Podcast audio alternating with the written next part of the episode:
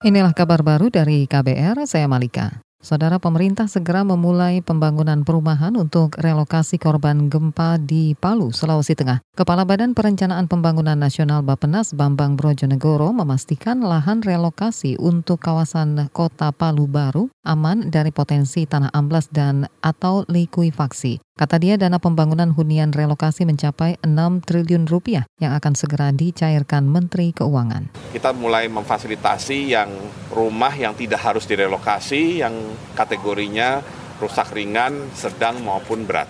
Ya, jadi itu progres yang tadi disampaikan dan akan segera dilakukan percepatan, terutama untuk jaminan rumah juga jaminan terkait di Kemensos ya. Kepala Bapenas Bambang Brojonegoro menambahkan hunian relokasi dibangun dengan model standar senilai 50 juta per unit. Semua pengerjaannya dilakukan Kementerian Pekerjaan Umum. Pembangunan seluruh hunian ditargetkan rampung pada 2021. Kawasan Kota Palu baru juga akan dilengkapi dengan berbagai fasilitas seperti jalan raya, sekolah, rumah sakit, dan rumah ibadah.